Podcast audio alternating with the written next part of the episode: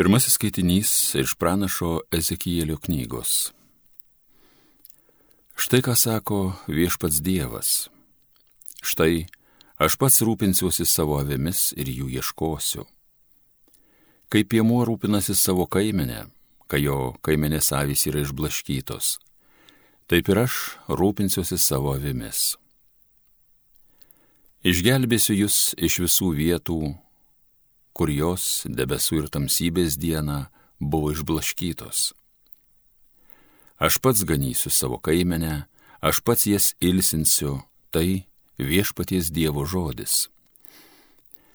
Suieškosiu paklydusias, žūstančias gražinsiu, aptvarstysiu sužeistas ir pastiprinsiu silpnas, bet riebes ir stipres sunaikinsiu. Ganysiu jas teisingumu O jums mano kaimenė kalbėjo viešpats Dievas. Spręsiu bylą tarp avies ir avies, tarp avinų ir ožių. Tai Dievo žodis.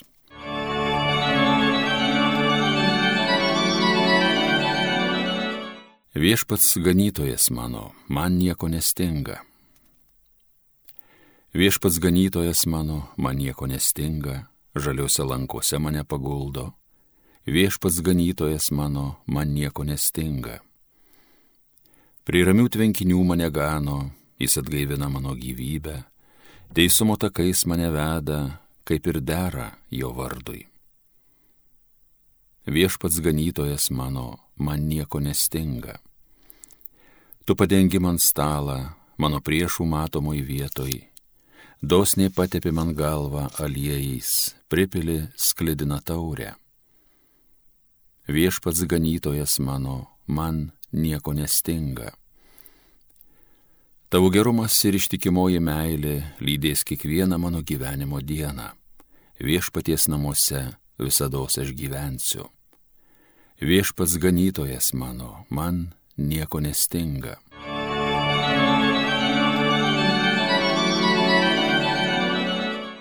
Antrasis skaitinys iš Šventojo Paštalo Pauliaus pirmojo laiško korintiečiams. Broliai ir seserys. Kristus tikrai yra prikeltas iš numirusių, kaip užmėgusiųjų pirmgimis. Kaip per žmogų atsirado mirtis, taip per žmogų ir mirusiųjų prisikėlimas.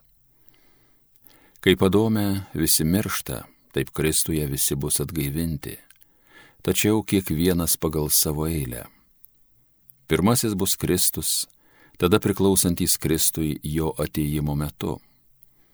Paskui bus galas, kai jis perduos karalystę Dievui tėvui, sunaikinęs visas valdžias, galybės ir pajėgas. Jisgi turi karaliauti ir paguldyti po savo kojomis visus priešus. Kaip paskutinis priešas bus sunaikinta mirtis. Kai jam bus visa pajungta, Tuomet ir pats sūnus nusilenks tam, kuris buvo viską jam pajungęs, kad Dievas būtų viskas visame kame. Tai Dievo žodis.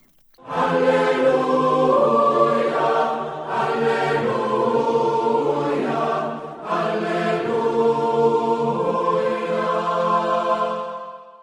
Garbė tam, kuris ateina viešpaties vardu šlovė besiartinančiai mūsų tėvo Dovydo karalystiai. Alleluja, alleluja, alleluja.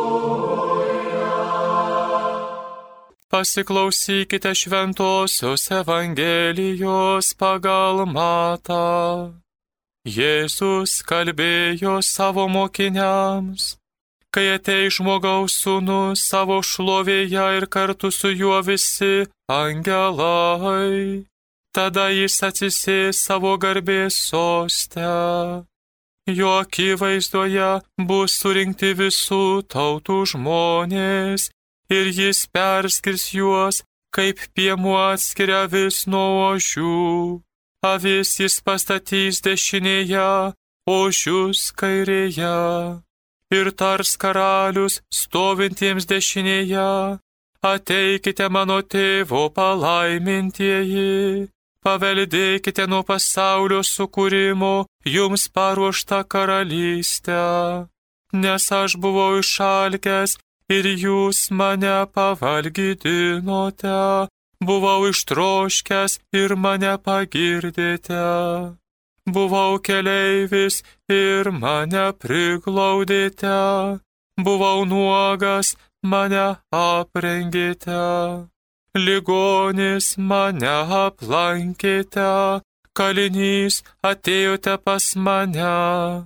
Tuomet teisyklaus, viešpatie, kadagi mes tave matėme alkaną ir pavalgydinome, trokštantį ir pagirdėme.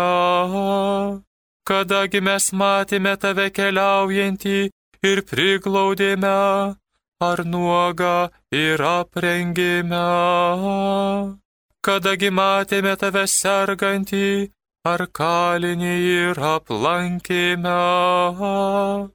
Ir atsakys jiems karalius, iš tiesų sakau jums, kiek kartų tai padarėte vienam iš mažiausiųjų mano brolių, man padarėte.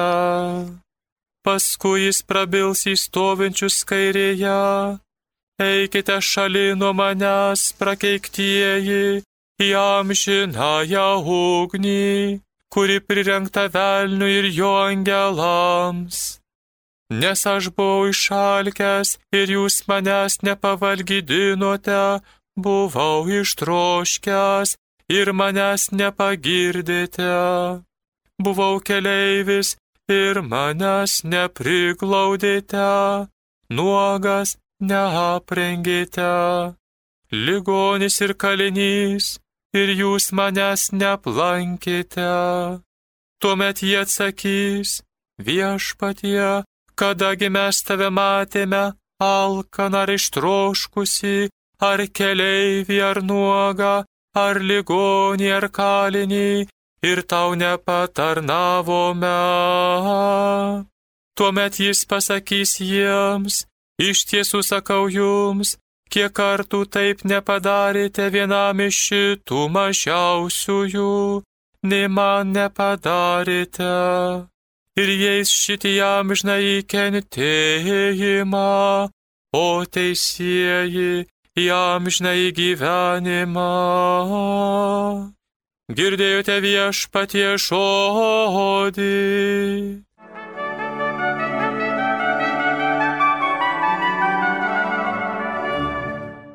Mėly Marijos radio klausytojai, ar žinote, kas jūs esate? Ar žinote? Jūs esate pasaulio centras. Taip, taip. Tu Karoli, tu Stasė, tu Arūnai, tu Nijolė. Esate pasaulio centras. Taip, taip. Tu pasaulio centras. Tuoj pat tai įrodysiu. Graikijos lankytojai žino, kad Delfuose Apolono šventykloje buvo omfalas. Išvertus tai reiškia pasaulio bamba, kitaip sakant, pasaulio centras. Sakmė pasakoja, Dievas Dzeusas liepė skristi iš labai toli dviem ereliams. Vienas iš rytų, kitas iš vakarų Ten, kur jie susitiks, ten turės būti pasaulio centras. Ir jie nutupė ant to akmens. Todėl tas akmuo laikomas pasaulio viduriu. Dabar yra Delfų muziejuje. Joks turistas netiki, kad tai tikrai pasaulio centras. Bet maždaug tuo pat metu kai Omfalas stovėjo Apolono šventykloje, apie kitą akmenį buvo paskelbta. Akmuo, kuris statytojai vertė į šalį, kertiniu pasidarė. Tai Jėzus Kristus. Jis tikrai pasaulio centras. Iki šių laikų tas akmuo neprarado vertės. Atvirkščiai, per tūkstantmečius jis dar svarbesnis pasidarė. Jis kaip kertinis akmuo, kaip pasaulio centras, kaip karalius, Šiandien Evangelijoje juk sako, kad jo akivaizdon bus surinktos viso pasaulio tautos, o jis atsisėdė sostę, jas teis. Tai ne Delfų muziejaus akmuo, bet tikras pasaulio centras. Jėzus sako, kad karaliai žmonės pavergia, sutripia, sunaikina, o Jėzus visus mažiausius paskelbia karaliais. Ką padarėte vienam iš vargingiausių, vienam iš mažiausių, man karaliui padarėte. Kokia nuostabi Dievo tvarka. Kiekvienas žmogus yra karalius. Kiekvienas žmogus pasaulio centras. Šitaip, šitaip Dievas galvoja apie žmogų. Ar mes vertiname savo didybę? Ar pagal tą didybę gyvename? Jėzus Kristus nori visus matyti dangoje. Nenori, kad kuris pražūtų, bet kad visi atsiverstų ir ateitų į jo karalystę. O tam labai labai reikia mums pasižymėti šventų gyvenimu. Pagal Dievo mintį mes kiekvienas galime save vadinti Jėzumi. Beje, daugelie tautų Kristus Jėzus ir krikščionis yra tas pats žodis. Pavyzdžiui, vokiškai. Jėzus Christ, Jėzus Kristus ir Christ krikščionis. Taip pat Olandijoje, kaip ir visur Europoje. Karo metais vokiečiai ten žydus suvarė į getus. Kiekvienas žydas turėjo nešioti geltoną žvaigždę. Tas nebuvo įsakyta tik mažiems vaikams iki penkių metų amžiaus. Taip pat buvo duodamas maistas normuotai. Viena žydė sergančiam tėvui nutarė nupirkti vaisių, slyvų. Siunčia į parduotuvę savo aštuonių metų sunelį, kuris buvo labai mažas ir atrodė, kad net neturi ne penkių metų. Jei tave paklaus vardo, Sakyk, sunelį, dejong. Tai olandiškas vardas. Ir štai jis parduotuvėje, jau jo eilė. Pardavėja klausia, kaip vadinėsi berniuk? Dejong. Pardavėja vėl klausia, o pavardė? Jis nežino, ar tik jo pavardė Jopi nežydiška, tad tyli. Pardavėja vėl ragina, na sakyk, sakyk ir šypsosi. O jis tyliai atsakė, Jėzus. Sakykit, broliai seserys, sakykit, argi pamelavo berniukas? Ne, jis pasakė Jėzaus mintį. Jėzus karalius juk sako, kad tai jis visuose persekiojamuose, pažemintuose, Aš buvau alkanas, ištroškęs, nuogas, ligonis, belaisvis. Taigi jo py vardą berniukas teisingai ir pakeitė Jėzaus vardu.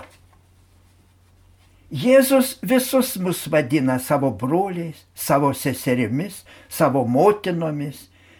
Kada tokiais tampame?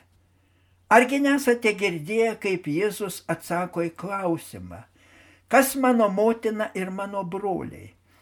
Kiekvienas, kas tik vykdo mano dangiškojo tėvo valią, yra man ir brolis, ir sesuo, ir motina.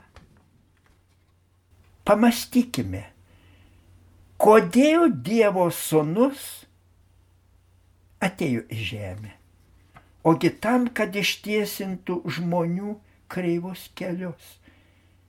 Ar išgelbėjimas negalėjo įvykti vienašališkai, vien Dievo gale? Ne. Dievui teko nužengti iš aukštybių į mūsų jovalą ir patirti tai, ką mes patiriame. Jis tapo vienu iš mūsų, kad galėtų mus išpirkti, kad savo krauju nuplautų mūsų nuodėmės. Ar pagalvojai, broli sesė, jog Jėzui nereikėjo mirti ant kryžiaus, kad atvertų neregiui akis, kad apvalytų raupsuotąjį? Jėzus sukūrė tą raupsuotąjį, sukūrė ir tas akis, ir kad jie susirgo, tai vėl jis gali išgydyti. Jis visada tai gali pakeisti. Jėzus galėjo daryti tokius stebuklus ir jam dėl to nereikėjo mirti ant kryžiaus. Bet ar žinai, ko jis negalėjo padaryti be kryžiaus aukos? Jėzus negali iš žmogaus dvasios pašalinti nuodėmės. Per nuodėmę žmogus yra pražudytas, nes nuodėmė ne jo sukurta. Nuodėmė sukūrė velnės ir įtraukė žmonės į nuodėmę. Ir ją sunaikinti įmanoma tik Dievo sunaus kraujo. Taip jis tapo vienu iš mūsų. Tik atsisakė nuodėmės per jo gailestingumo sakramentą, tik pasiryžę gyventi pagal jo įsakymus, mes tampame jo broliais, jo seserimis, jo motina. Ačiū tau, Jėzau Kristau. Ačiū, kad nužengė į žemę tam, kad išgydytų mus iš nuodėmių, kad išgelbėtų mus. Garbinu tave, Jėzau Kristau. Garbinu tave, Dievo Sūnau. Amen.